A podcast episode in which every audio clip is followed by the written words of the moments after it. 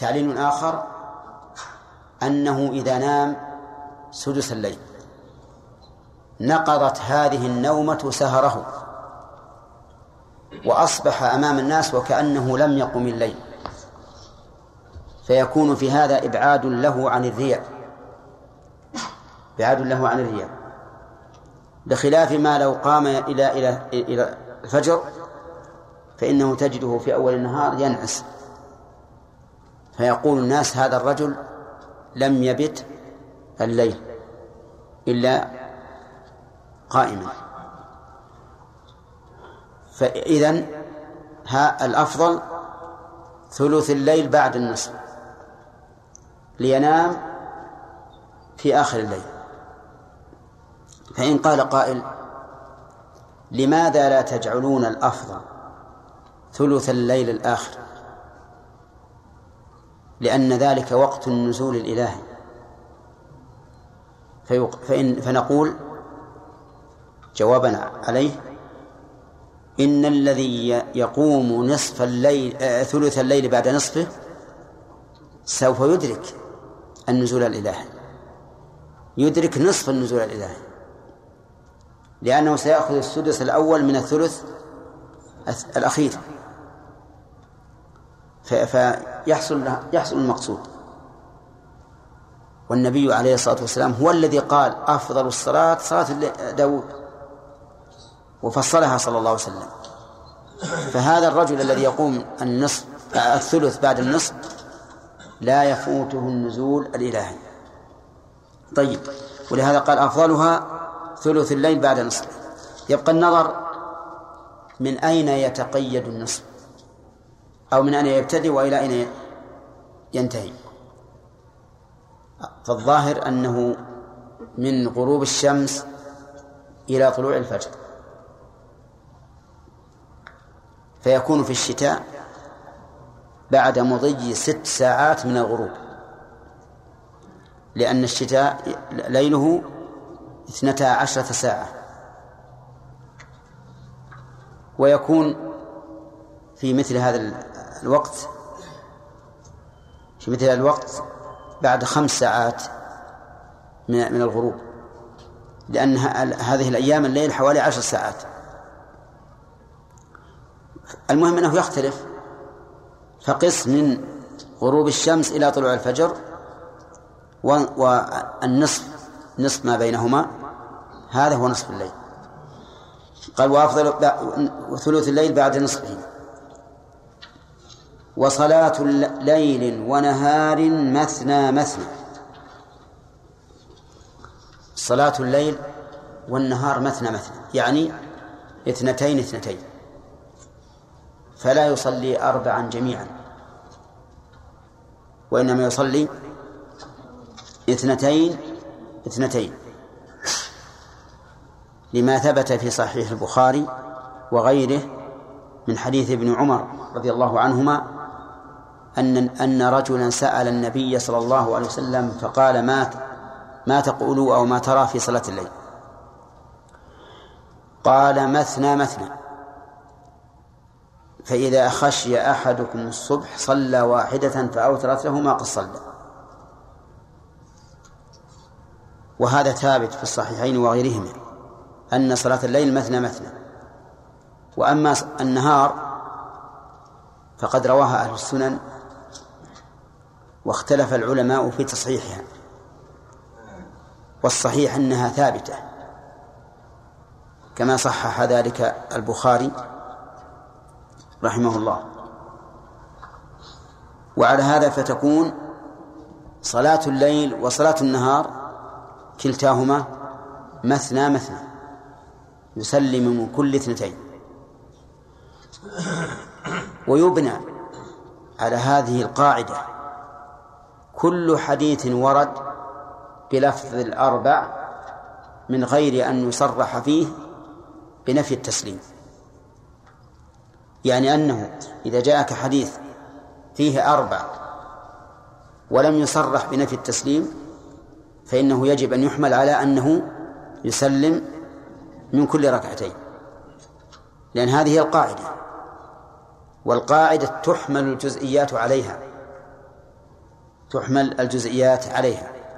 فقول عائشة رضي الله عنها لما سئلت عن صلاة النبي صلى الله عليه وسلم في رمضان قالت ما كان يزيد في رمضان ولا غيره على إحدى عشرة ركعة يصلي أربعا فلا تسأل عن حسنهن وطولهن. فإن ظاهر الحديث أن الأربع بسلام واحد ولكن يحمل هذا الظاهر على القاعدة العامة وهي أن صلاة الليل مثنى مثنى كما ثبت ذلك عن رسول الله صلى الله عليه وسلم. ويقال إنها ذكرت أربعا وحدها ثم أربعا وحدها لأنه صلى أربعا ثم استراح بدليل ثم التي للترتيب والمهلة. طيب إذا كان صلاة الليل والنهار مثنى مثنى فما فما الحكم؟ لو قام الإنسان في صلاة الليل. إلى ثالثة ورابعة. الحكم أن صلاته تبطل.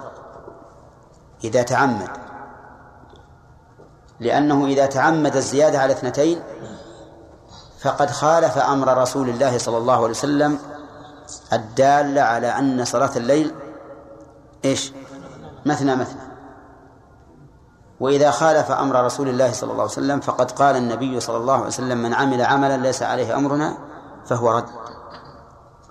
ولهذا قال الإمام أحمد إذا قام إلى ثالثة في صلاة الليل فكأنما قام إلى ثالثة في صلاة الفجر.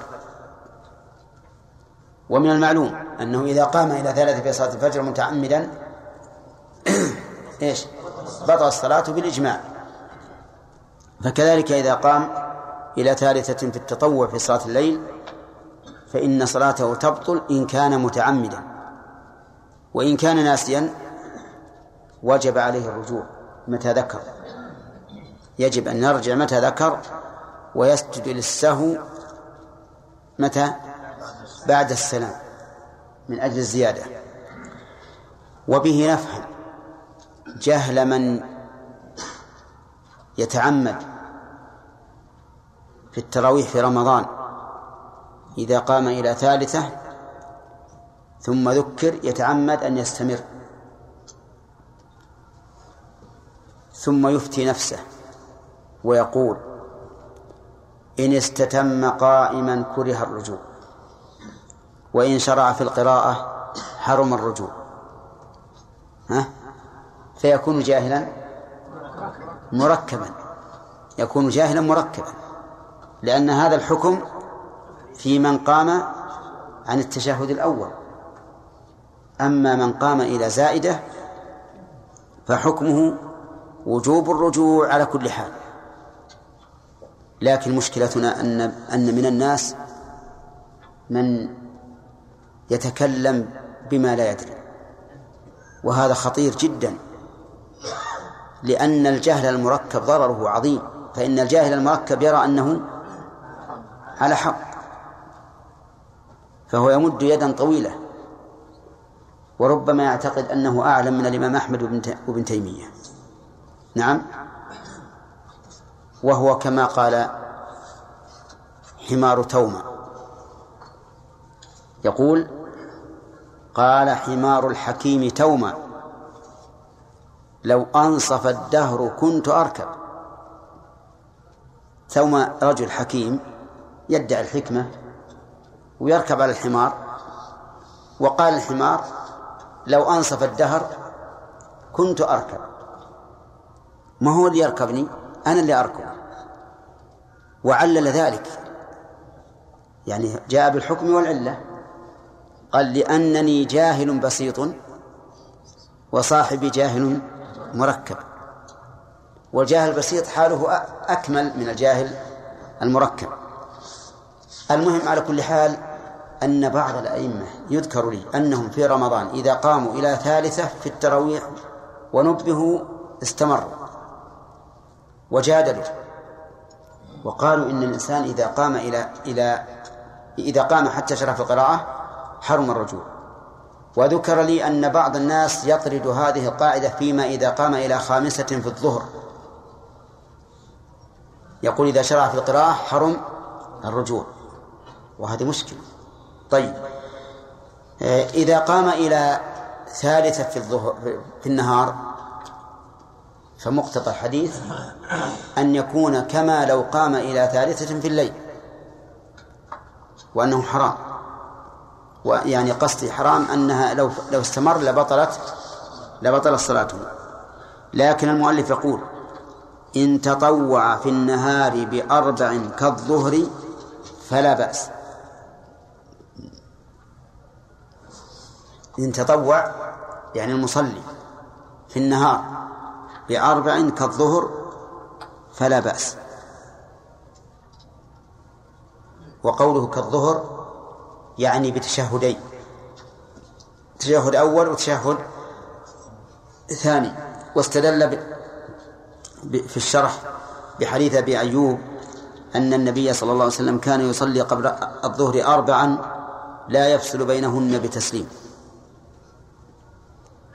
ولكن الحديث ليس فيه أنه أن الأربع تكون بتشهدين. ولهذا نرى أنه إذا إذا صلى أربعا بتشهدين فهو إلى الكراهة أقرب. بدليل أن النبي صلى الله عليه وسلم قال لا توتروا بثلاث لا تشبهوا أو لا تشبهوا بصلاة المغرب. وهذا يدل على أن الشارع يريد أن لا تلحق النوافل بإيش؟ بالفرائض.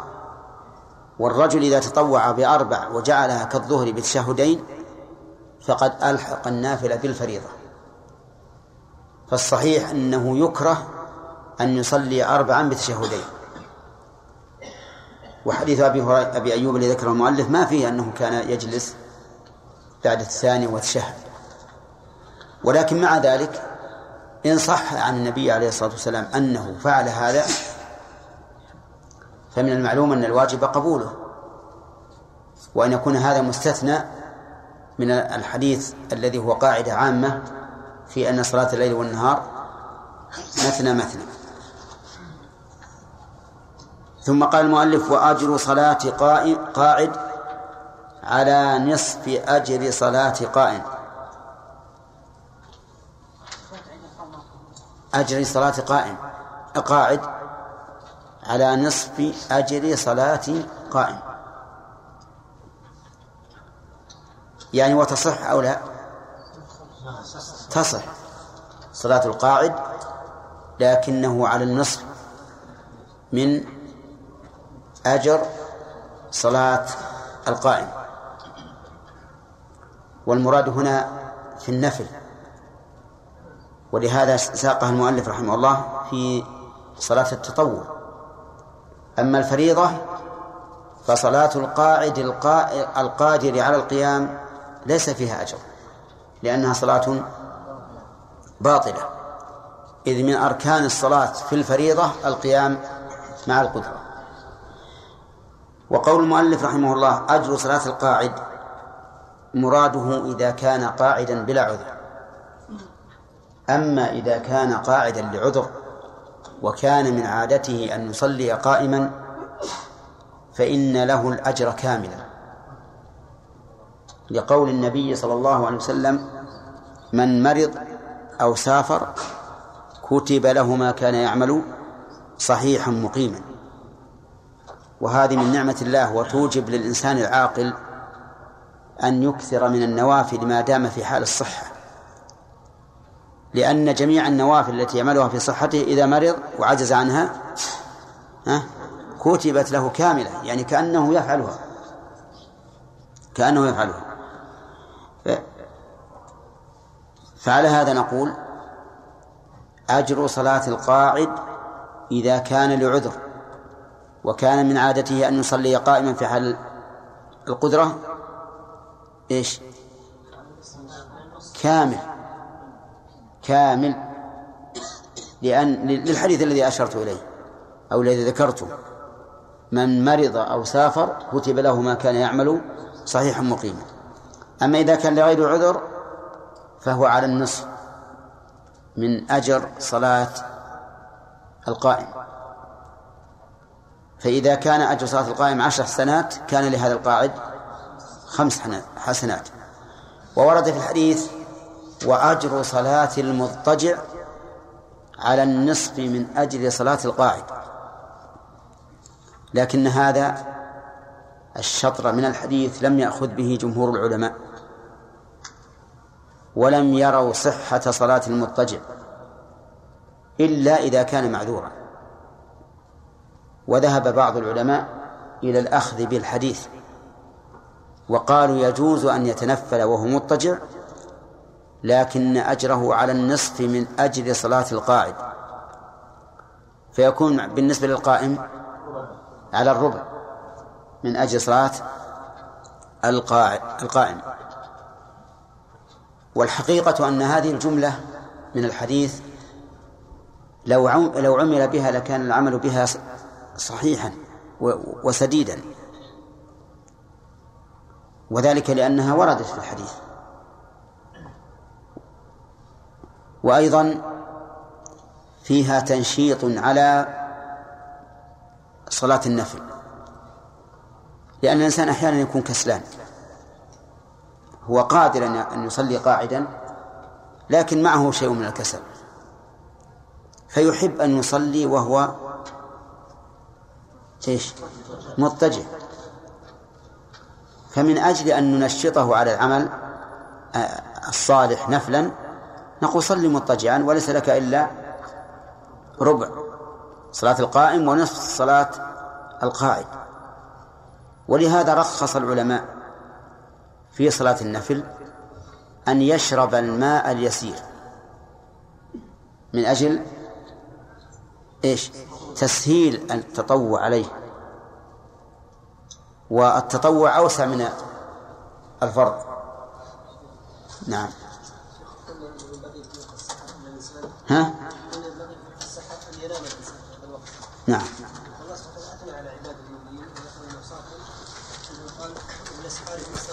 إي نعم. ما يمنع لأن السحر من آخر الليل.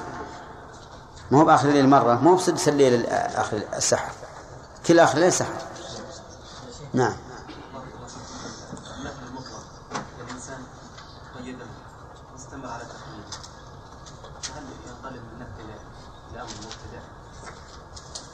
ما أظن هذا.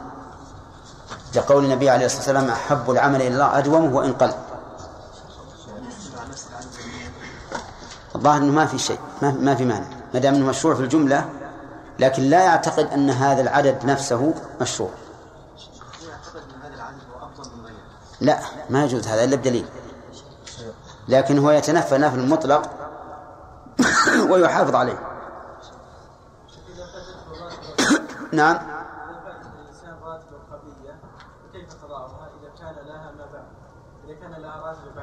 إذا فاتت القبلية ولها راتبة بعدية فليصلي البعدية أولا ثم القبلية.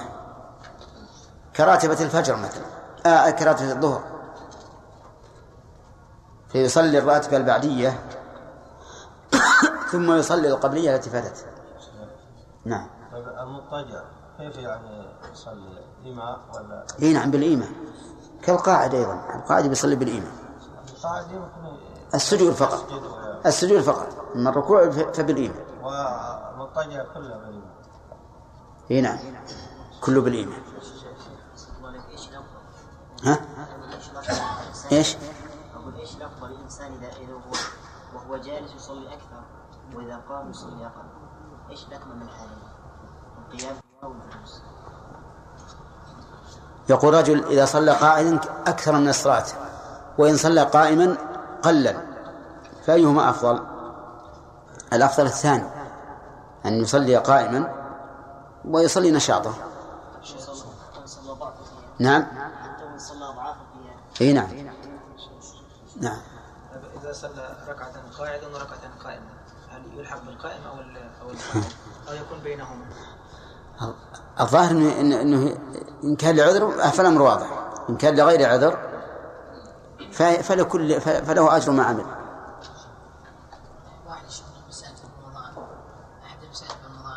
جاء الإمام وصلى ست ركعات جميع سرد ومر يجلس يسلم بعض الناس الناس فارقوه ويوم قبل الثالث فارقوا بعض الناس قالوا هذا يلعب علينا ويوم سلم الست ما يهاوش الجماعة قالوا أنتم تتشتتوا شكل الجماعة ما يجوز وصلى أربع جميع بعد زيادة.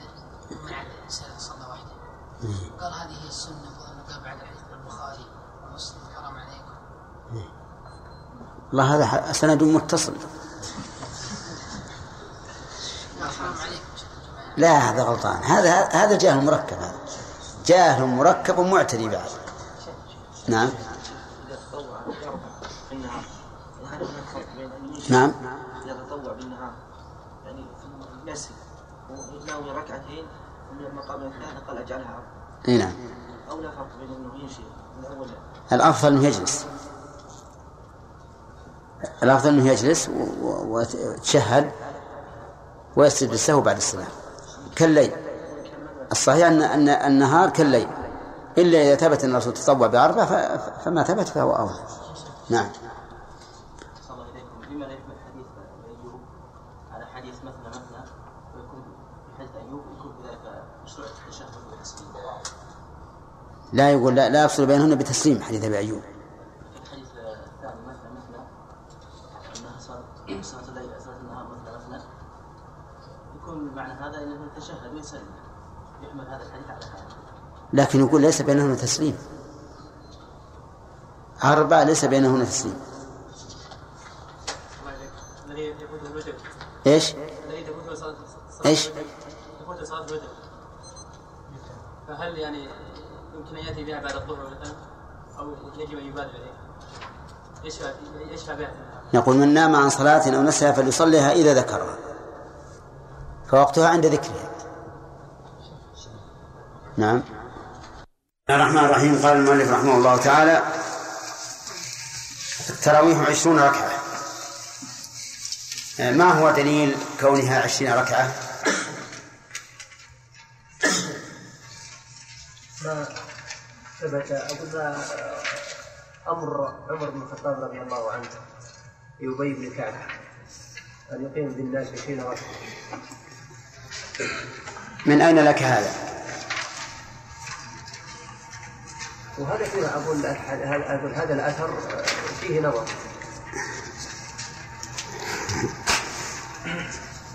لا تعبت يا ولد. ولحديث ابن عباس. حديث ابن عباس؟ ها.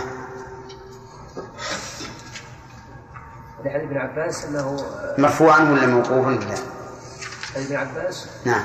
مرفوعا لكن لكنه ضعيف. أحسنت. طيب. حديث ابن عباس مرفوعا أن النبي صلى الله عليه وسلم كان يصلي في رمضان عشرين ركعة لكنه ضعيف. طيب. ما هو العدد الصحيح؟ نعم. 11 ركعة. ها؟ 11 ركعة أو ثلاثة. أو إحدى عشرة أو ثلاثة. عشرة طيب ما هو الدليل؟ دليل حديث عائشة. نعم. كلا حديثين. الصحيح الصحيح قالت كان الرسول صلى الله عليه وسلم يصلي لا يزيد في رمضان ولا غيره على إحدى عشرة ركعة يصلي أربعا فلا تسأل عن حسنهن وطولهن ثم يصلي أربعا فلا تسأل عن حسنهن وطولهن ثم يصلي ثلاث نعم. و وصح عنها أنها قالت كان يصلي ثلاثة عشرة ركعة. أحسنت. طيب. هل في ذلك أثر عن عمر. نعم؟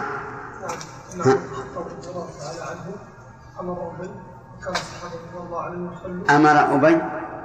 لا أنا أعني اللي وراء سبحان الله. ها.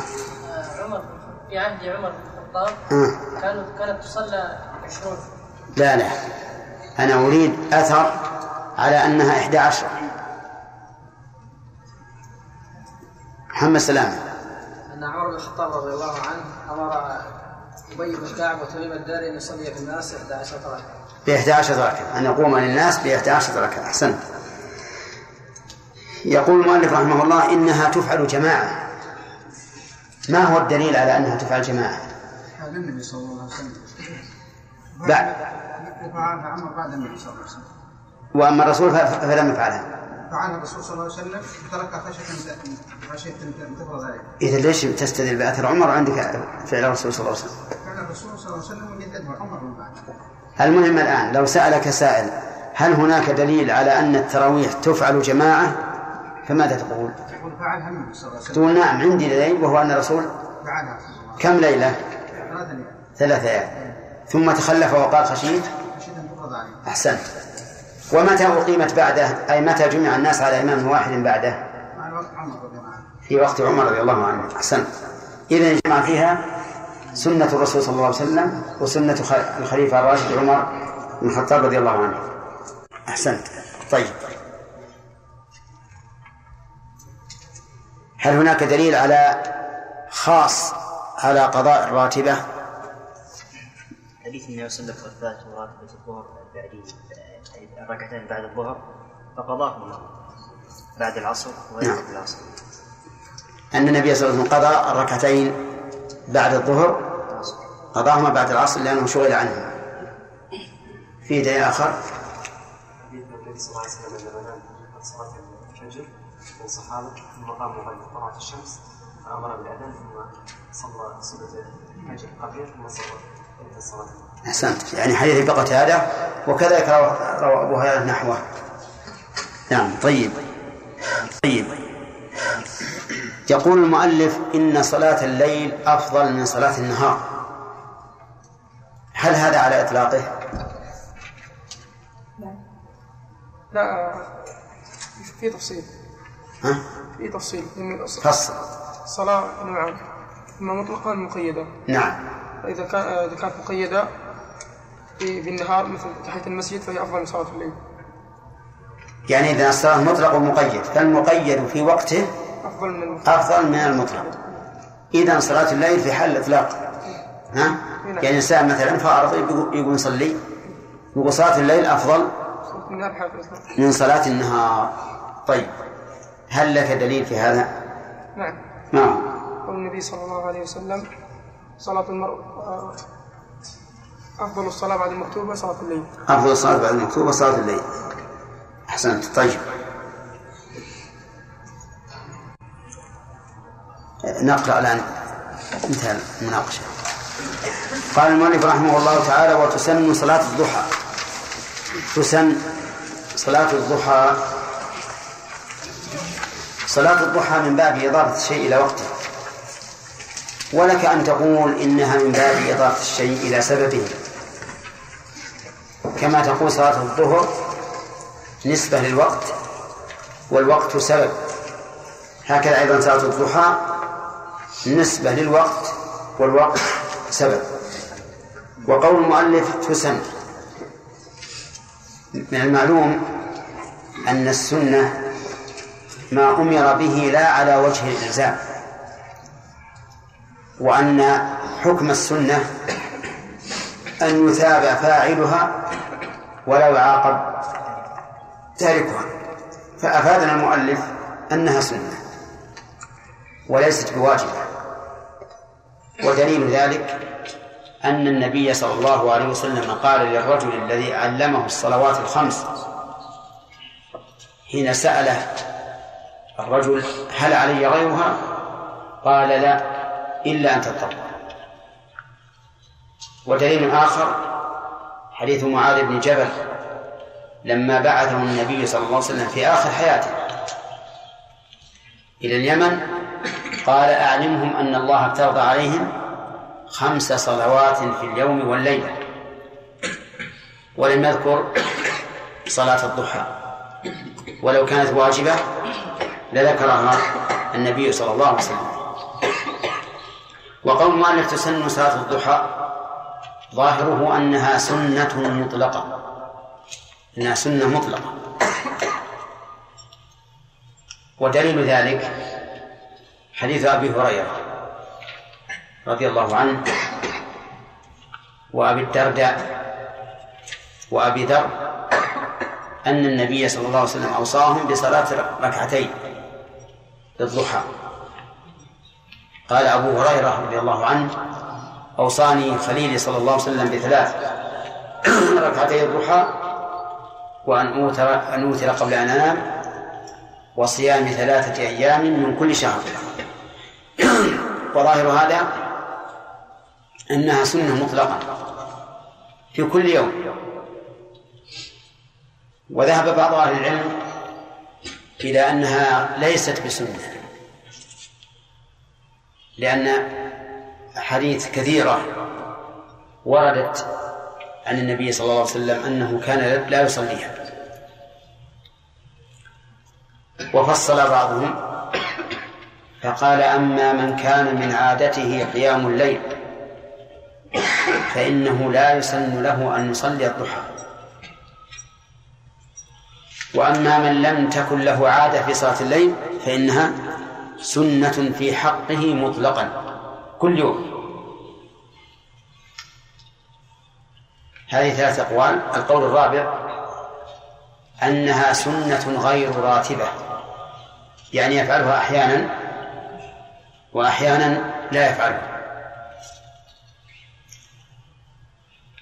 وظاهر الأدلة من حيث العمل أنها سنة مطلقا دائما إلا لمن كان له صلاة من الليل.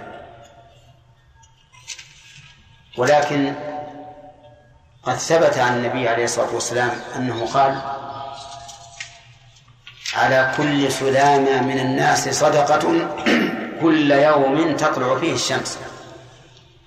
على كل سلامة السلامة العضو. من الناس صدقة. كل يوم تطلع فيه الشمس. وقد ذكر العلماء رحمهم الله أن السلام ثلاثمائة وستون مفصلا في الجسم. فيكون على كل واحد من الناس كل يوم ثلاثمائة وستون صدقة. ولكن هذه الصدقة ليست صدقة مال بل كل ما يقرب إلى الله. لقول النبي صلى الله عليه وسلم ففي كل تسبيحة صدقة وكل تحميدة صدقة وكل تهليلة صدقة وأمر بمعروف صدقة ونهي عن منكر صدقة.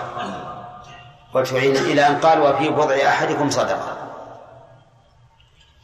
قال ويجزئ من ذلك أو قال عن ذلك ركعتان يركعهما من الضحى.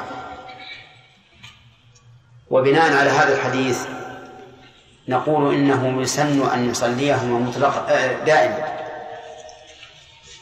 لأن أكثر الناس لا يستطيعون أن يأتوا بهذه الصدقات التي تبلغ ها؟ ثلاثمائة وستين. ثلاثمائة وستين صدقة. وعلى هذا فيسن أن يصليها كل يوم بناء على هذا الحديث. يقول وأقلها ركعتان وأكثرها ثمان. أقلها ركعتان. لحديث أبي هريرة. ركعتي الضحى. ولأنه لا يسن التطوع بأقل من ركعتين إلا في إيش؟ إلا في الوتر. وأكثرها ثمان. أكثرها ثمان لأن النبي صلى الله عليه وسلم لما فتح مكة دخل بيت أم هانئ فصلى فيه ثمانية ركعات. صلى فيه ثمانية ركعات. ولكن هل هذا يدل على أنه لا زيادة؟ الذين قالوا بأن أكثرها ثمان قالوا نعم يدل على أنه لا زيادة. ولكن الصحيح أنه لا حد لأكثرها. صحيح أنه لا حد لأكثرها لقول عائشة رضي الله عنها كان النبي صلى الله عليه وسلم يصلي كل يوم من الضحى ركعتين ويزيد ما شاء الله. فقولها يزيد ما شاء الله هذا يدل على عدم التحديد. وأما حديث أم هانئ أنه صلى في بيت أم هانئ ثمانية ركعات فلا يدل على التحديد. لماذا؟ لأنها قضية عين. صلى ثمان ركعات لأنه يريد أن يشتغل بشيء آخر. ولم يقل لا تزيد على هذا. فالصحيح أنه لا حد لأكثرها وأن الإنسان لو بقي يصلي من خروج وقت النهي بعد طلوع الشمس إلى وقت النهي عند الزوال وصلى أربعين ركعة فهذه من الضحى. طيب إذن الصحيح أن أكثرها إيش؟ لا حد له. طيب أكثرها ثمان أكثر مبتدأ. وثمان؟ ها؟ خبر. لكن كيف نعرف ثمان؟ نعربها إعراب المنقوص. نعربها إعراب المنقوص. كيف إعراب المنقوص؟ أنها مفتوحة. أنها بياء مفتوحة في النصب. منونة فتقول اشتريت من الغنم ثمانيا. ثمانيا. كما تقول رأيت قاضيا. في حال الرفع والنصب نحذف الياء. وتبقى الكسرة دليلا عليها لكنها منونة وهذا التنوين عوض عن الياء المحذوفة. فتقول عندي من من الغنم أو عندي من الضأن ثمان ثمان. ولا ثمان؟ ثمان. وعليه فنقول ثمان مرفوعة بضمة مقدرة على الياء المحذوفة لالتقاء الساكنين. والنون عوض عن الكلمة المحذوفة عن الياء المحذوفة. الياء عوض التنوين عوض عن الياء عن الياء المحذوفة هذا إذا لم تركب. إذا لم تركب. يعني إذا لم تركب مع عشر. فإنها تعرف إيش؟ ها؟ إعراب المنقوص. وفيها لغة رديئة قليلة أن تعرب بالحركات على النون. على النون فتقول اشتريت من الضأن ثمانا وعندي من الضأن ثمان ونظرت في الضأن إلى ثمان. وهذه اللغة تناست الياء نهائيا. تناست الياء. كأنها لم تكن موجودة. وصل الإعراب على النون. إذا لنا في إعرابها وجهان إذا لم تركب. إذا لم تركب. ما هما؟ تعرب إعراب المنقوص وهذا هو المشهور وأن تعرب على بحركات على النون على حسب العوامل. أما إذا ركبت مع عشر أو عشرة مع عشر لأن ما تركب مع عشر فإنها تبنى على الفتح. تبنى على الفتح. فيقال ثمانية عشرة امرأة. ثمانية عشرة امرأة. ويجوز إسكان الياء. فتقول ثماني عشرة. ثمانية عشرة. إذن فيها وجهان. ثمانية عشرة والثاني ثمانية عشرة. تبنى على الفتح. هنا أكثرها ثمان. وش الأفصح فيها؟ أكثرها ثمان ولا ثمان؟ ثمان. بالكسر. على أنها معربة إعراب المنقوص. نعم. الله عليه حديث عائشة ما يكون نص في النزاع؟ في صلاة الضحى. إيش؟ حديث عائشة يكون نص في النزاع؟ يصلي كل يوم من الضحى. لا يصلي من الضحى. ما ما ممكن نعم. إضافتها شيخ إلى الضحى. ها؟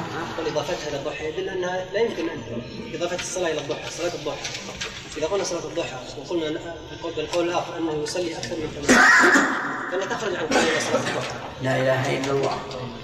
ثم أن الصحابة يوم الجمعة كانوا يصلون حتى يأتي الإمام. يصلون كم؟ يصلون حتى يأتي الإمام يوم نعم. الجمعة. نعم. ولو كان هذا يفعلونه في غير الجماعة لذكر مما يدل على أنها قيد بثمان ما صحيح؟ لأن يمديك تصلي ثمانية ركعة قبل زوال الشمس. ما هو ثمان ركعات لكن خرجنا عن الضحى إذا. لا أص- أصبح الضحى بيجيك وقتها الآن. من ارتفاع الشمس قدر رمح إلى قبيل الزوال. وقتها واسع ولهذا قال الرسول صلى الله عليه وسلم صلاة الأوابين حين تنبض الفصال أخرجه مسلم. نعم. بالنسبة للقول اللي يقول أن صلاة الضحى لمن كان الورد في الليل فترك ونام عنه هذا كيف يكون من القول مع أن عائشة تقول يا سلام كيف فات شيء كيف؟ أو أقول كيف يكون هذا القول مع قول عائشة؟ لا يقول الذي له صلاة من الليل. لا لا لا يصليها النبي صلى الله عليه وسلم أما كذا فاته شيء من الليل كان يقضي بالنهار 12 ركعة. نعم. بس هو الذي صلى ثمانية صلاة ثمان في في عام الفتح. هذا عام إذا فات- ولهذا بعض العلماء يقول إن ثمان هذه سنة الفتح وأنه ينبغي للإمام إذا فتح بلدا أن يصلي فيه ثمان ركعات. لا الله أعلم. آه، شيخ حديث الرسول صلى الله عليه وسلم صلاة الأوابين حين تنمض الفصال هذا أفضل وقت أداء الضحى اي نعم. يعني آخر وقتها أفضل من أولها. آخر وقتها أفضل من أولها طيب شيخ بيجينا الله اصبر علينا يا ناس طيب شيخ هل تصلي في جماعة؟ نعم. هل تصلي في جماعة؟ يعني هل الصحابه الجمعه إلى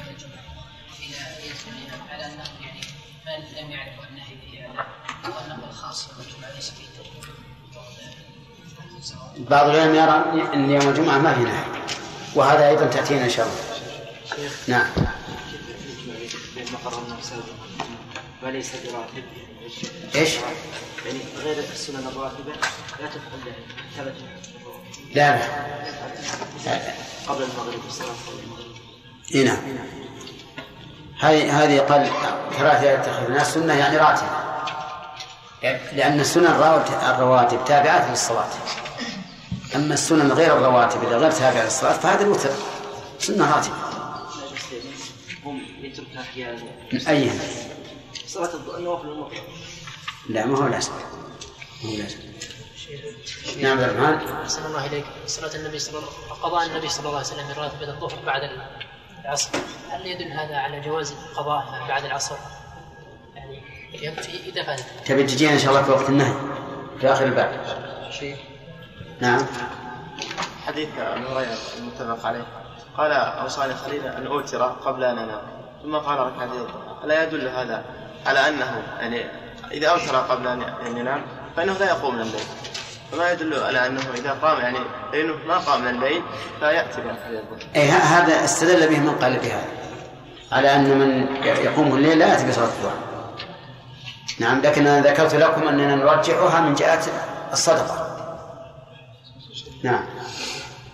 بالنسبة وردت سنة الراتب بعشر ركعات وثمان لماذا لا يقول بقول شيخ الإسلام الجمع بين هذا نفعله مرة بعشر ونفعله مرة باثناشر جمع بين السنة لا لأن ابن عمر شهد ما رأى. ابن عمر شهد ما رأى. وهذه زيادة. الشيخ ورد النبي صلى الله عليه وسلم نام على حمزة أربع فروض أن إيش؟ أربع فروض نعم. أربعة فروض كل اليوم يعني؟ ما أذكر ما ها؟ إيه شغل عنها بس؟ ما نام عنها ما ورد صلى نعم. مسافر. نعم. شيخ أحسن الله إليك. في صلاة الليل ذكرنا أن داود عليه الصلاة والسلام كان ينام نصف الليل ويقوم ثلثه وينام السدس. أقول كيف يتأتى هذا؟ أحسن الله إليك مع أنه الآن المغرب يبدأ الليل يبدأ من الغروب من غروب الشمس. نعم. لأن, لأن الإنسان الآن في في وقتنا هذا إذا قلنا مثلا أن الليل مثلا الساعة الحادية عشر 22 دقيقة. وصلاة العشاء مثلا يفرغ منها الساعة 8 ونص تقريبا. كيف ينام النصف؟ ويقوم الثلث ويقوم السدس. ما فهمت الآن الآن الليلة الليلة هذه. نصف الليل سيكون الساعة 11 و22 دقيقة. طيب. نعم هذا هو النصف. زين. الآن نحن من 11 و 22 يبدأ نصف الليل يبدأ النصف الثاني. إيش؟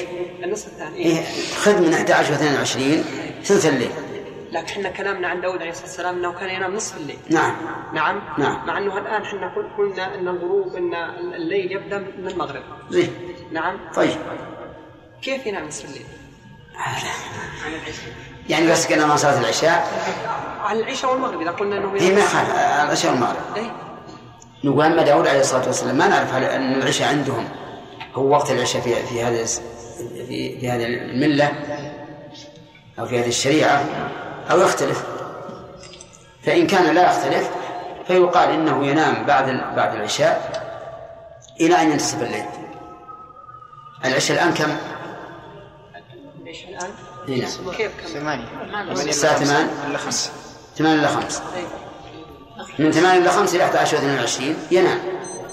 ما صار ينام النصف. إيه يعني قصد أنه ينام نصف الليل يعني إلى نصف الليل. يعني يحمل على أنه إلى نصف الليل. يعني إيه. هذا إذا قلنا إنه مثلنا إن شريعته مثلنا نعم. يعني صلاة المغرب والعشاء تستوعب هذا. مع أنه في احتمال أن صلاة المغرب أن صلاة العشاء عندهم مع صلاة المغرب يكون على الوقت متصل. لكن فعل النبي عليه والسلام حينما قالت عائشة ما ألفاه في السحر يعني إلا نائما. نعم. هذا يدل على أنه كان يفعل كما يفعل داود عليه الصلاة أي والسلام ما ما ما يدري. ينام قليلا ثم يقوم. يعني يكون معنا إلى نصف الليل. نعم. جزاك الله خير.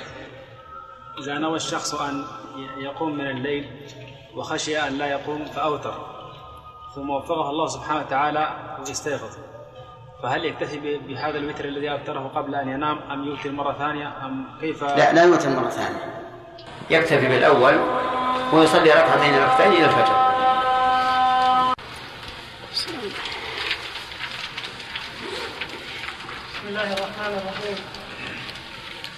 قال المؤلف رحمه الله تعالى وتسن صلاة الضحى وأقل ركعتان وأكثرها ثمان ووقتها من خروج ووقتها من خروج وقت النهي إلى إلى قبيل الزوال وسجود التلا- وسجود التلاوة صلاة ويسن للقارئ والمستمع دون السامع. وإن لم يسجد القارئ لم يسجد. وهو أربع وهو أربع عشرة سجدة في الحج منها اثنتان. ويكبر إذا سجد. ويكبر إذا سجد وإذا رفع. ويجلس ويسلم. ولا يتشهد. ويكره الإمام قراءة سجد في صلاة سر. وسجوده فيها. ويلزم المأموم متابعته في غيرها ويستحب سجود الشكر عند سجود النعم. بس. بسم الله الرحمن الرحيم. الحمد لله رب العالمين والصلاة والسلام على نبينا محمد وعلى آله وأصحابه أجمعين. من صلاة التطوع صلاة الضحى. صلاة الضحى وإضافة الصلاة هنا من باب إضافة إضافة الشيء إلى سبب أو إلى وقت. من باب إضافة الشيء إلى سببه أو إلى وقته طيب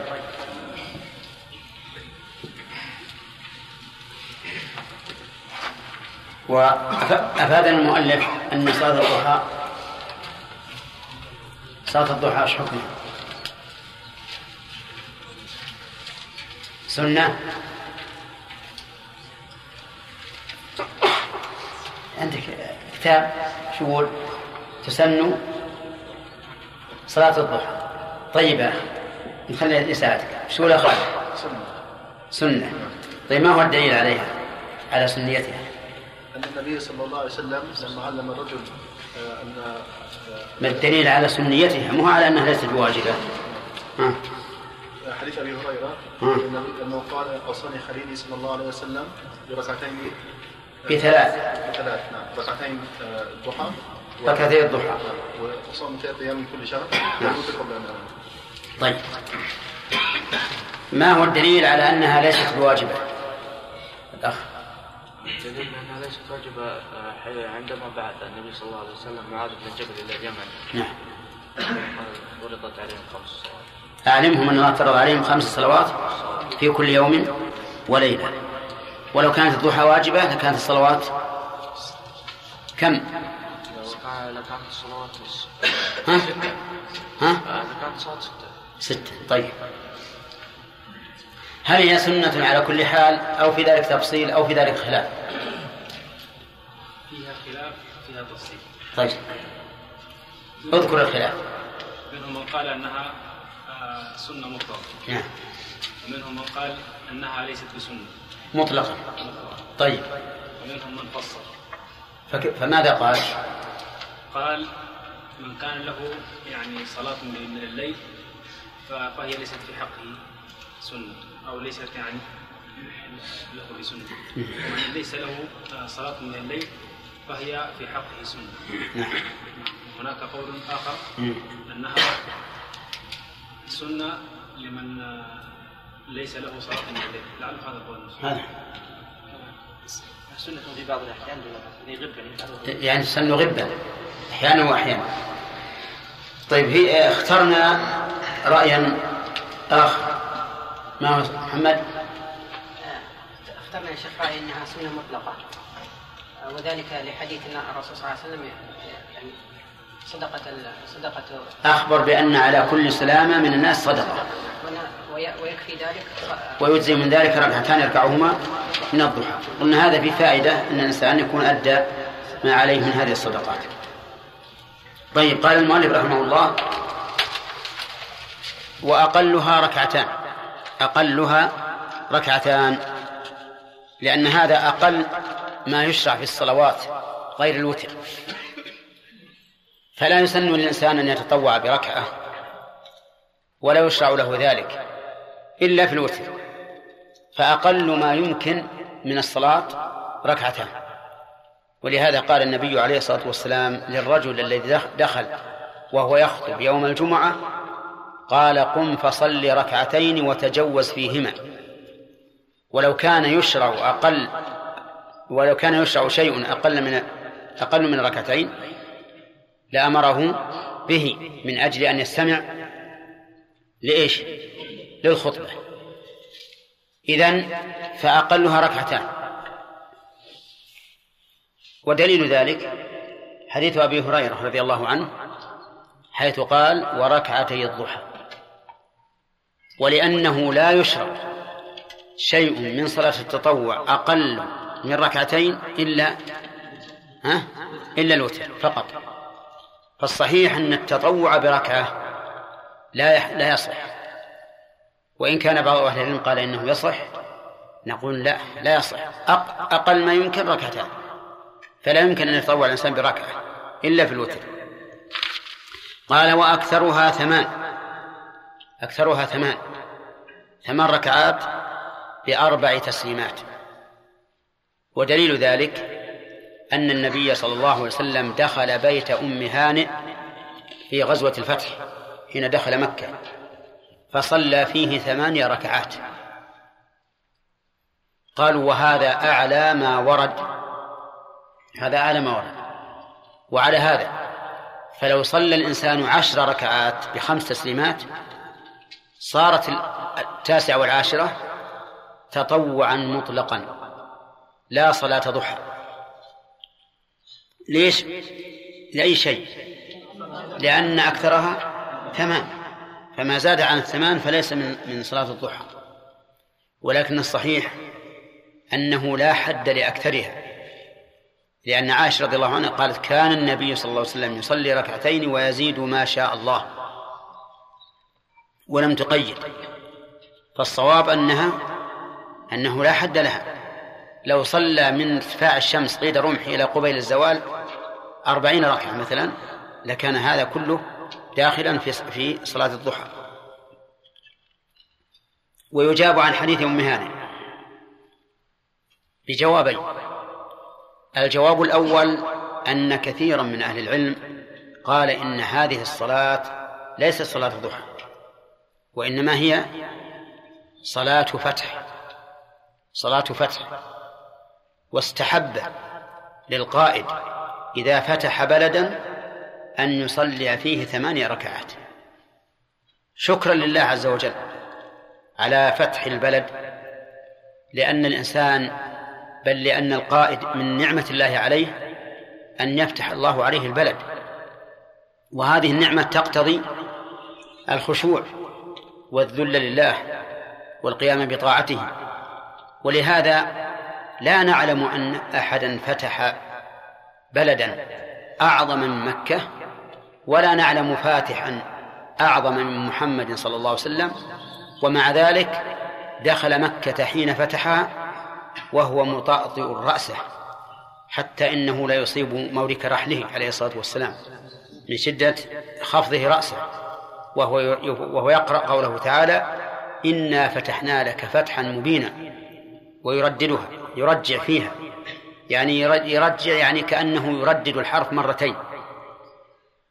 و وهذا من كمال تواضعه عليه الصلاة والسلام لأنه رأى أن هذا أكبر نعمة. أن الله يفتح بلد أعدائك على يدك. قاتلوهم يعذبهم الله بأيديكم ويخزهم وينصركم عليهم ويشفي صدور قوم مؤمنين ويذهب إلى قلوبهم. قل هل تربصون بنا إلا إحدى الحسنين ونحن, ونحن نتربص بكم أن يصيبكم الله بعذاب من عنده أو بأيدينا؟ وما أحلى العذاب إذا كان بأيدينا لأعدائنا؟ إذن نقول هذا أحد الوجهين في الجواب عن حديث أم هانئ أن هذه الثمانية ركعات ليست صلاة ضحى وإنما هي شكر لله على هذا الفتح ولهذا استحب بعض العلماء للقائد إذا فتح البلد أن يصلي ثمانية ركعات. الوجه الثاني أن نقول إن إن الاقتصار على الثمان لا يستلزم أن لا يزيد. لأن هذه قضية عين أرأيت لو لم يصلي إلا ركعتين؟ هل تقول لا تزيد على ركعتين؟ لا. لأن قضاء العين وما وقع مصادفة فإنه لا يعتبر تشريعا. وهذه قاعدة مفيدة جدا. أن ما وقع مصادفة لا يعتبر تشريعا. نعم. ولهذا لا يستحب للإنسان إذا دفع من عرفة وأتى الشعب الذي حول مزدلفة. لا يستحب له أن ينزل فيبول ويتوضأ وضوءا خفيفا كما فعل الرسول صلى الله عليه وسلم. فإن النبي صلى الله عليه وسلم لما دفع من عرفة في الحج ووصل إلى الشعب نزل فبال وتوضأ وضوءا خفيفا. فهل نقول إن هذا مشروع؟ الجواب لا. لأن هذا وقع مصادفة. احتاج النبي صلى الله عليه وسلم أن يبول فنزل فبال وتوضأ. توضأ لأجل أن يكون فعله للمناسك على على طهارة. على كل حال ما فعل على وجه المصادفة دون القصد فإنه لا يعتبر تشريعا. فكون الرسول صلى الله عليه وسلم اقتصر على ثمان دون أن أن ينبه على أن هذا أكثر صلاة الضحى لا يدل على أن هذا هو الأكثر. طيب. ثم قال المؤلف ووقتها من خروج وقت النهي إلى قبيل الزوال. وقتها أي وقت صلاة الضحى؟ من خروج وقت النهي. والمؤلف رحمه الله لم يبين وقت النهي لكن سيبينه إن شاء الله في آخر الباب. وقت النهي من طلوع الشمس إلى أن ترتفع قيد رمح. قيد رمح. يعني بعين الرأي.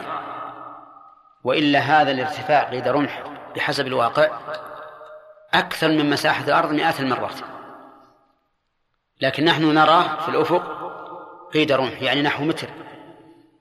وهذا بالزمن أو بالدقائق والساعات المعروفة حوالي 12 دقيقة, 12 دقيقة.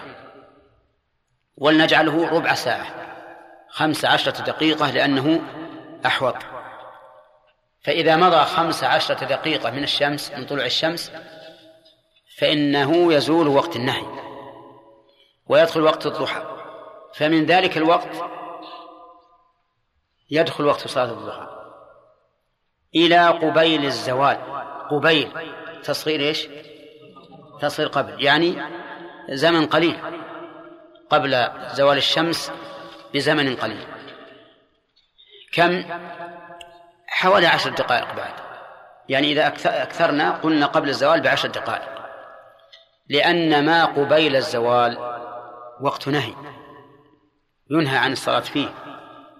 فإنه الوقت الذي تسجر فيه جهنم فنهى النبي صلى الله عليه وسلم أن يصلى فيه. قال عقبة بن عامر رضي الله عنه ثلاث ساعات ثلاث ساعات نهانا رسول الله صلى الله عليه وسلم أن نصلي فيهن وأن نقبر فيهن موتانا حين تخرج الشمس بازغة حتى ترتفع وحين يقوم قائم الظهيرة وحين تضيه الشمس للغروب حتى تغرب.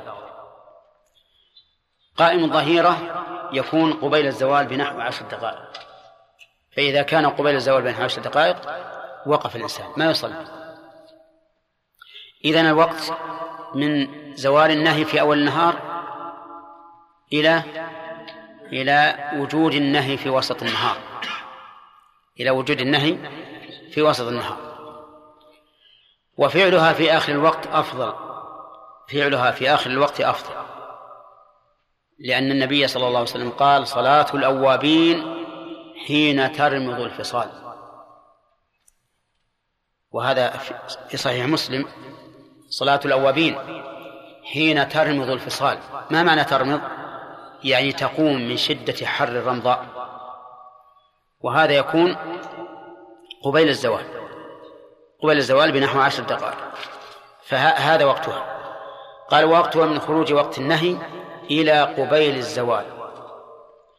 ثم قال المؤلف وسجود التلاوة صلاة. سجود مبتدأ وصلاة خبره والمبتدأ هنا مفرد ولا جملة؟ الخبر مفرد ولا جملة؟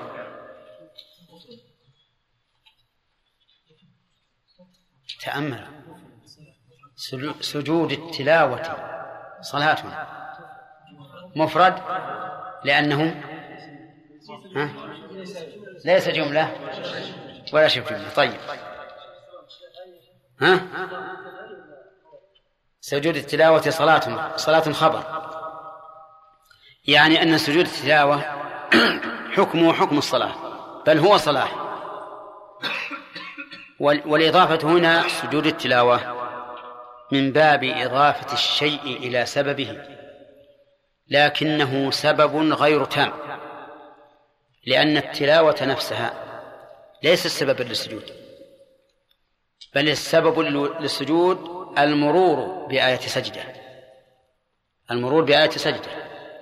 إذن فليست التلاوة سببا إيش؟ تاما. بل السبب للسجود هو المرور بآية السجدة يعني قراءة آية السجدة. إذا قرأ الإنسان آية السجدة سن له أن يسجد. طيب. حكمه يقول المؤلف إنه صلاة إنه صلاة ووجه ذلك أن تعريف الصلاة ينطبق عليه.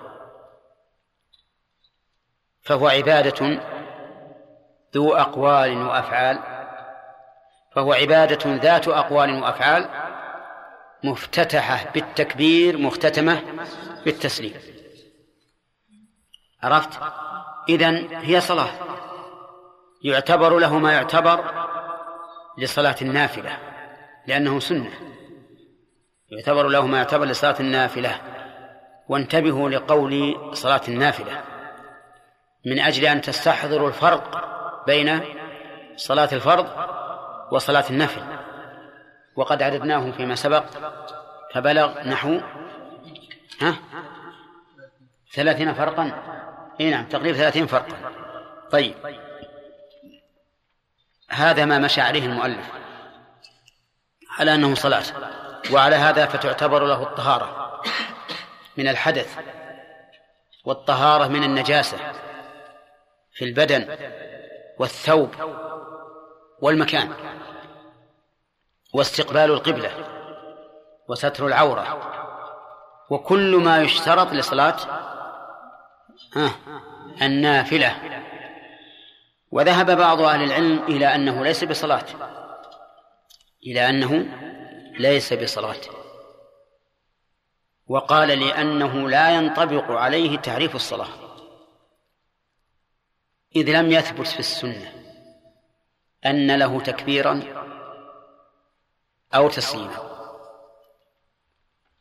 فالأحاديث الواردة في سجود التلاوة ما فيها إلا مجرد السجود فقط. سجد فسجدنا معه. وما أشبه ذلك. ليس فيها حديث واحد يدل على التكبير إلا حديثا أخرجه أبو داود في إسناده نظر أنه كبر عند السجود. كبر عند السجود. ولكن ما في التسليم. لم يرد لا بحديث ضعيف ولا صحيح أنه سلم من سجدة التلاوة. من سجدة التلاوة. وإذا لم. وإذا لم يصح فيها تسليم لم تكن يا بخاري. لم تكن صلاة. لأن الصلاة لا بد أن تكون مفتتحة بالتكبير مختتمة بالتسليم. وعلى هذا فليست بصلاة. وهذا اختيار شيخ الإسلام ابن تيمية رحمه الله. وبناء على ذلك لا يشترط لها طهارة ولا ستر عورة ولا استقبال قبلة فيجوز أن يسجد ولو كان محدثا حدثا أصغر بل ولو كان محدثا حدثا أكبر إن قلنا بجواز القراءة للجنب والصحيح أنه لا يجوز طيب ومن طالع كلام شيخ الإسلام رحمه الله في هذه المسألة تبين له أن القول الصواب ما ذهب إليه أن سجود التلاوة ليس بصلاة ولا يشترط له ما يشترط للصلاة. فلو كنت تقرأ القرآن عن ظهر قلب وأنت غير متوضي ومرت بآية سجدة فعلى هذا القول إيش؟ تسجد ولا حرج. وكان ابن عمر رضي الله عنهما مع تشدده كان يسجد على غير طهارة. كان يسجد على غير طهارة. نعم. يقول سجود التلاوة صلاة يسن للقارئ يسن. كلمة يسن تفيد أن سجود التلاوة ليس بواجب وإنما هو يا أحمد. ها؟ سنة.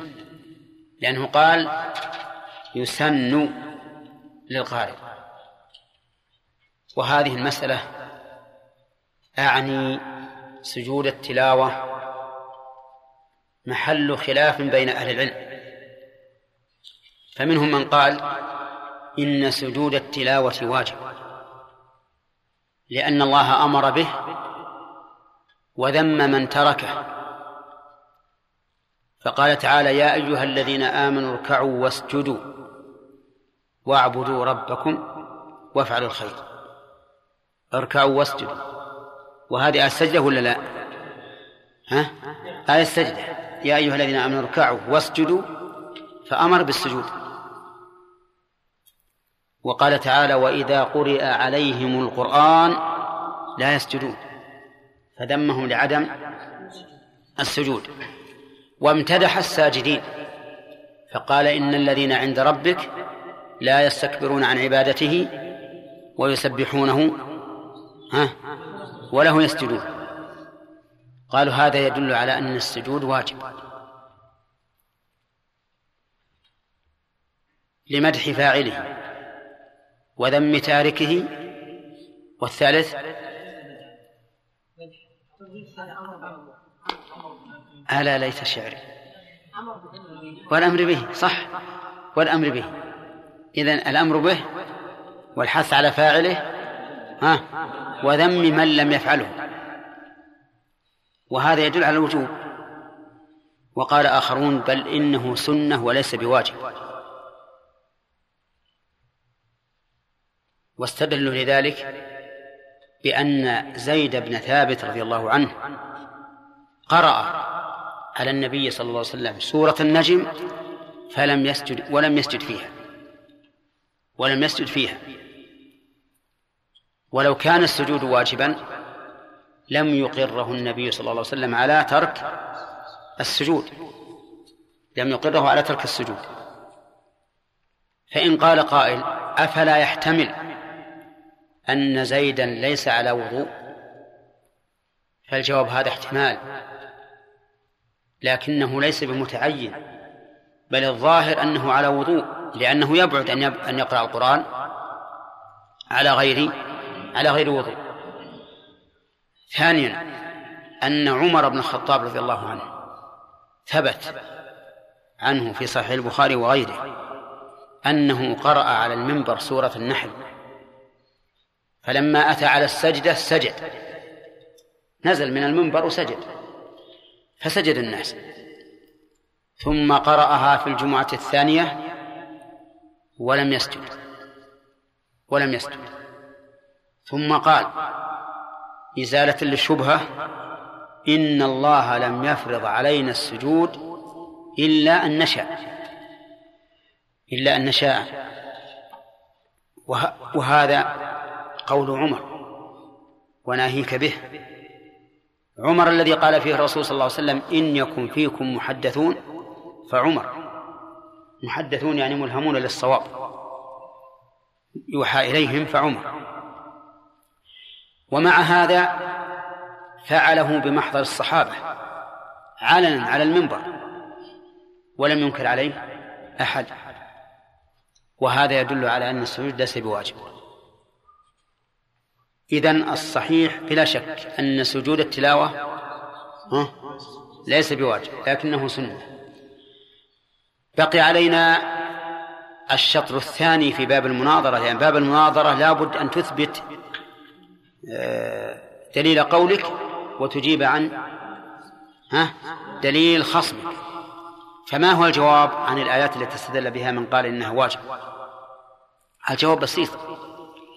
نقول إذا إذا استدللت بقوله تعالى يا أيها الذين آمنوا اركعوا واسجدوا فقل يجب الركوع أيضا. أما أن تقول يجب السجود ولا تقول يجب الركوع فهذا تناقض لأن الدليل واحد. وبه نعرف أن الله أن قوله يا أيها الذين آمنوا اركعوا واسجدوا أمر بالصلاة التي ذات ركوع وسجود. وأما قوله وإذا قرئ عليهم القرآن لا يسجدون فنقول له أنت لا تقول بهذه الآية. لا تقول إن كل من قرأ القرآن وجب عليه أن يسجد مع أن ظاهر الآية ها أن كل من قرئ عليه القرآن يجب أن يسجد. والسجود هنا بمعنى التذلل بمعنى التذلل ليس هو السجود الحركة المعروفة أي إذا قرئ عليهم القرآن لا يذلون له. لا يذلون له. وهذا ثابت لكل القرآن. كل القرآن يجب أن تذل له. وأما مدح الملائكة بالسجود فالمراد بالسجود سجود الصلاة لأنه ما من أربع أصابع في السماء إلا وفيه ملك قائم لله أو راكع أو ساجد. وهذا مما خالفنا فيه شيخ الإسلام شيخ الإسلام ابن تيمية. شيخ الإسلام يرى أن سجود التلاوة واجب والصحيح أنه ليس بواجب.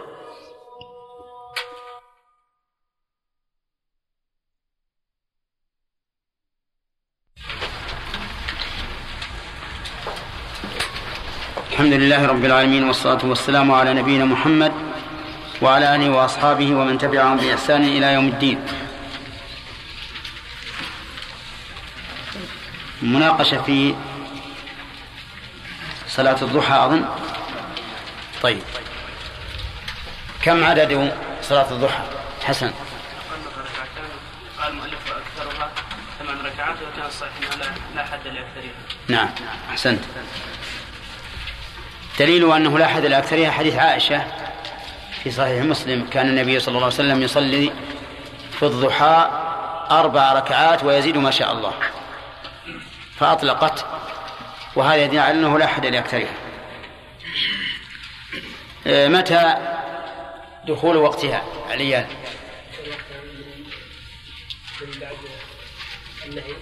طلوع الشمس إلى قبيل الزوال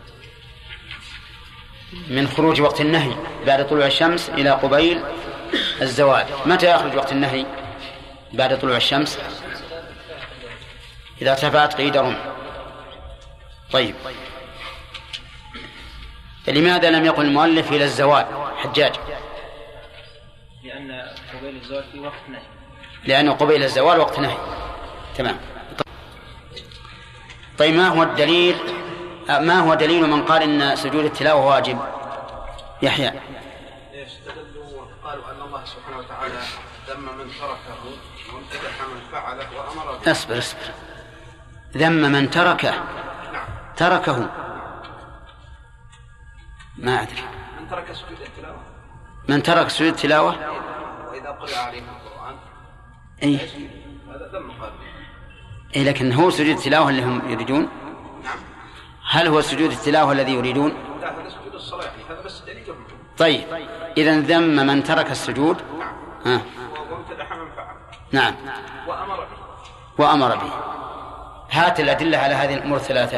اما الامر به فقوله تعالى يا ايها الذين امنوا اركعوا واسجدوا نعم. وأما ال- الذم فقوله تعالى وإذا قرئ عليهم القرآن لا يسجدون نعم. وأما الامتداح فقوله تعالى إن الذين عند ربك لا يستكبرون عن عبادته ويسبحونه وله يسجدون أحسن. طيب. القائلين بأنه سنة. سجود التلاوة ما دليلهم؟ قيل بالسنية عدة أحاديث. منها حديث ما ثبت في البخاري عن زيد عن زيد بن ثابت. في الصحيحين هذا. في الصحيحين نعم. أنه قرأ عند الرسول صلى الله عليه وسلم سورة النجم ولم يسجد ولم يأمر النبي صلى الله عليه وسلم. بالسجود ولو ولو كان واجبا لأمره النبي صلى الله عليه وسلم. أحسنت. و... هذا واحد. وهذا من السنة. نعم. الدليل الثاني حديث عمر رضي الله عنه انه لما قرأ آية سجدة في خطبة الجمعة نزل وسجد في الخطبة الجمعة الأخرى لم يسجد. قرأ سورة النحل. قرأ سو- السجدة في سورة النحل. يوم الجمعة على المنبر فنزل فسجد. وقرأها في الجمعة الثانية فلم نعم. وقال قال إن الله عز وجل أمر بها لا. علينا لا.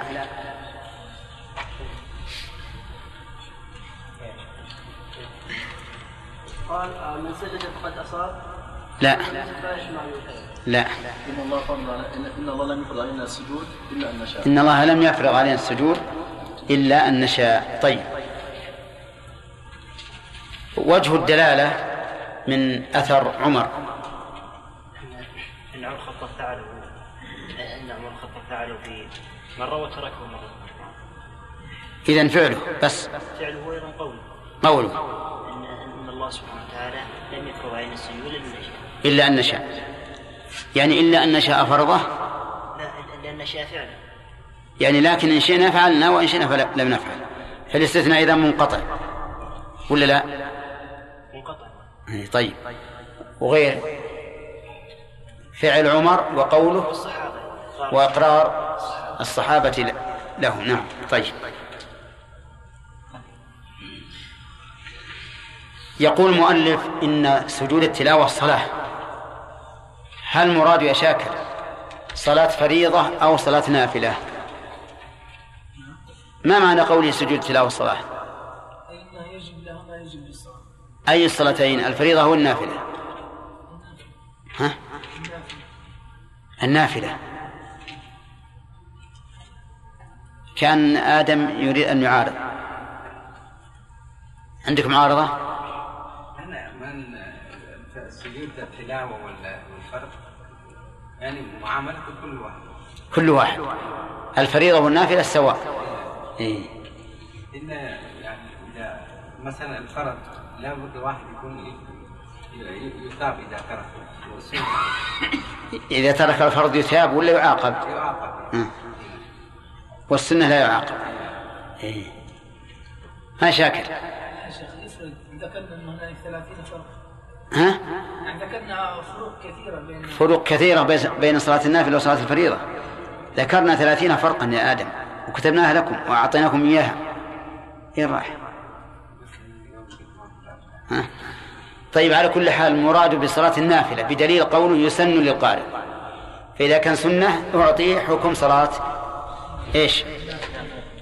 النافلة. طيب في قول آخر سامي. ليس بصلاة وعليه وعليه؟ فيصح أن يسجد لغير القبلة فلا يشترط له شروط الصلاة بس سجود مجرد إلى القبلة وإلى غيرها محدثا كان أم طاهرا. نعم. قال المؤلف رحمه الله تعالى يسن هذا مبتدأ الدرس يسن للقارئ والمستمع. يسن للقارئ لأن النبي صلى الله عليه وسلم كان يسجد إذا مر بآية السجدة. وفعل الرسول صلى الله عليه وسلم الشيء على سبيل التعبد يقتضي سنيته.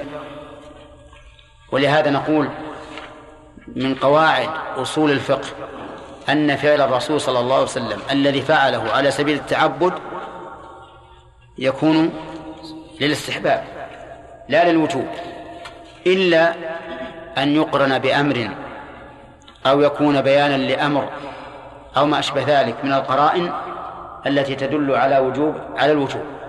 أما مجرد الفعل فإنه للاستحباب. طيب ف يقول ابن عمر كان النبي صلى الله عليه وسلم يقرأ علينا السورة فيها السجدة فيسجد ونسجد معه حتى ما يجد أحدنا موضعا لجبهته. يعني أنهم يسجدون ولقربهم من الرسول صلى الله عليه وسلم والجلوس فإن الجلوس يكون فيه ازدحام عند السجود. لأن الساجد يشغل مكانا أكثر من من الجالس. فلهذا يزدحمون حتى ما ما يجد أحدهم مكانا لجبهته يسجد عليه. هذا دليل استحبابه. وكذلك ما مر من آثار عمر. وقوله يسن للمستمع. نعم. دليله حديث ابن عمر رضي الله عنه وعن أبيه حيث كانوا يسجدون مع رسول الله صلى الله عليه وسلم. وقوله دون السامع يعني يعني أن السامع لا يسن له أن يسجد. والفرق بين المستمع والسامع. أن المستمع هو الذي ينصت للقارئ. ويتابعه في استماعه. والسامع هو الذي يسمع الشيء دون أن ينصت إليه. ولهذا لو سمع الإنسان صوت ملهات يعني صوت آلة له سماعا فقط فإنه لا يأثم. ولو استمع إليه لأثم مثال السامع إنسان مر مع السوق وفيه آلة له أغاني وغيرها تشتغل. هذا نقول إنه سامع. وإنسان آخر لما سمع هذه الملاهي جلس يتسمع إليها. نقول هذا مستمع. كذلك السامع بالنسبة لقراءة القرآن نقول إن السامع هو الذي مر وقارئ يقرأ فمر بآية سجدة. فلا يسن للسامع أن يسجد. لأنه ليس له حكم القارئ. أما المستمع فيسجد لأن له حكم القارئ. هذا من حيث التعليل. أما الدليل فحديث ابن عمر بالنسبة للمستمع أن الصحابة كانوا يسجدون مع رسول الله صلى الله عليه وسلم. والدليل على أن المستمع له حكم الناطق أن موسى صلى الله عليه وسلم قال ربنا إنك آتيت فرعون وملأه زينة وأموالا في الحياة الدنيا. ربنا ليضلوا عن سبيلك. ربنا اطمس على أموالهم واشدد على قلوبهم. فلا يؤمنوا حتى يروا العذاب الأليم. قال قد أجيبت دعوتكما فاستقيما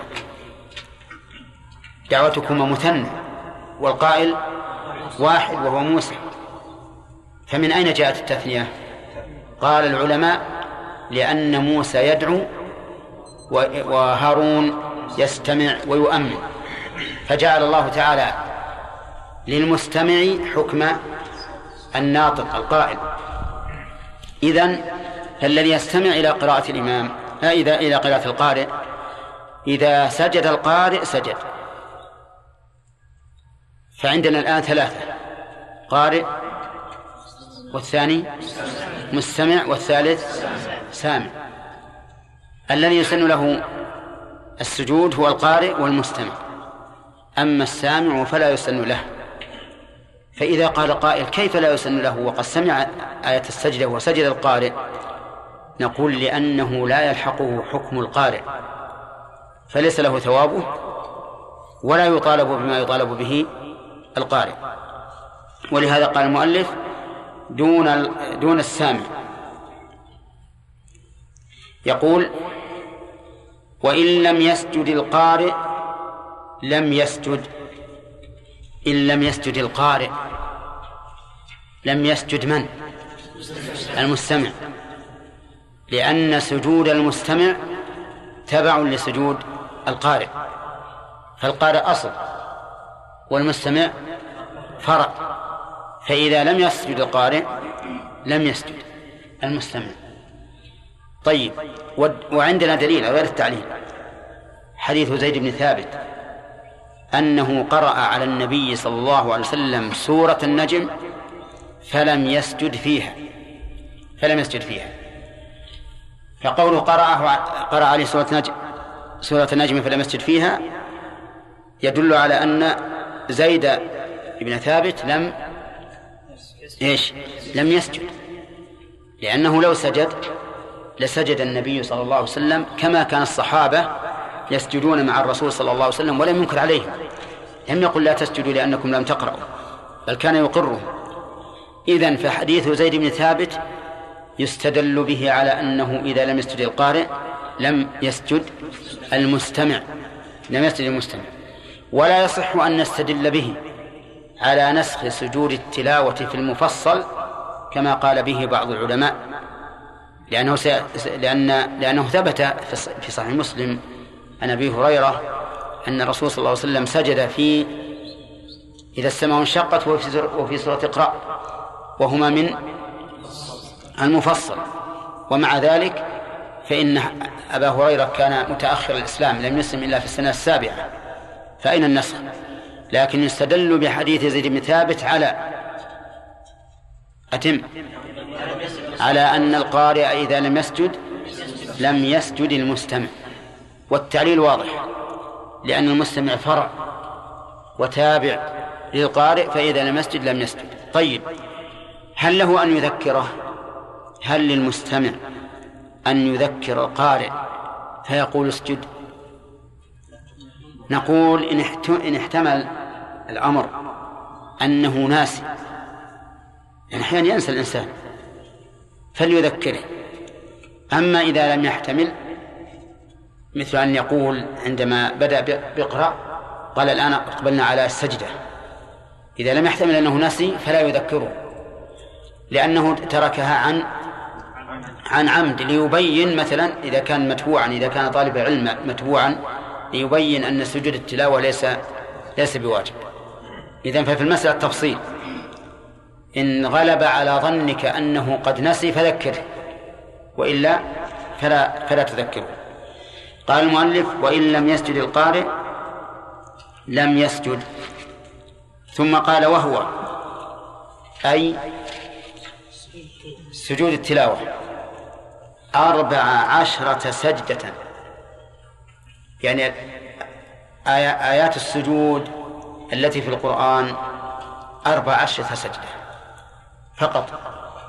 لا تزيد ولا تنقص. ما الدليل؟ الدليل السنة. فإن أهل العلم تتبعوا آيات السجود. فمنها ما صح مرفوعا ومنها ما صح موقوفا. والذي صح موقوفا له حكم الرفع. لأن هذا من الأمور التي لا يسوغ فيها الاجتهاد فهي توقيفية. فنقول ما صح مرفوعا فأمره ظاهر وما لم يصح فلأن هذا من الأمور التي لا يدخلها الاجتهاد فالموقوف فيها له حكم الرفع. إذا ما هو الدليل؟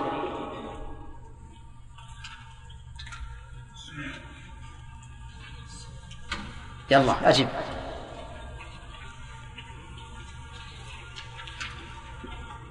ما سمعت؟ ها؟ وش الفائدة من جيك أنا ودي أجيب ذهنك تروح أنت. يمكن؟ طيب ودي تجي أنت وذهنك. إن شاء الله. طيب من يفهم؟ نعم. إبراهيم. السنة. نعم.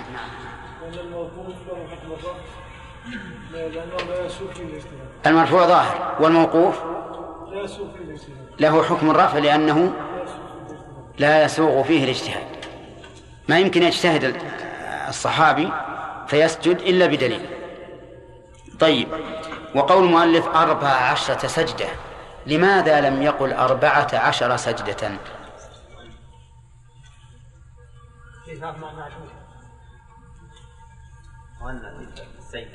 المعدود مؤنث. وإذا كان المعدود مؤنثا صار العدد المركب أوله مذكر وآخره مؤنث. صح.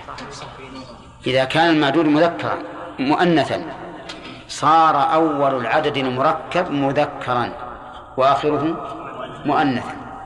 وإذا كان المعدود مذكرا صار أول العدد مؤنثا وثانيه مذكرا. فتقول أربع عشرة امرأة وأربعة عشر رجلا. طيب. يقول في الحج منها اثنتان. آه عندي عدها في الشرح قال في الأعراف.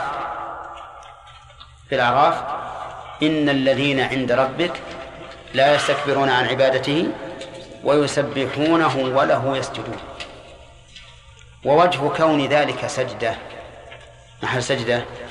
أن الله امتدح هؤلاء الذين عنده بكونهم لا يستكبرون عن عبادة الله ويسبحونه ويسجدون له. وما امتدح امتدح الله فاعله فهو محبوب إليه. إذن فلنسجد. طيب الرعد ولله يسجد من في السماوات ومن في الأرض طوعا وكرها وظلالهم بالغدو والآصال. طيب النحل. ولله يسجد من في السماوات ومن في الأرض؟ ما في السماوات وما في الأرض. ها؟ من دابة. والملائكة وهم لا يستكبرون يخافون ربهم من فوقهم ويفعلون ما يؤمرون. في الإسراء إذا تتلى عليهم إيه؟ لا لا في الإسراء في الإسراء. إن الذين إن الذين نعم إن الذين أوتوا من قبله إذا يتلى عليهم يخرون للأذقان سجدا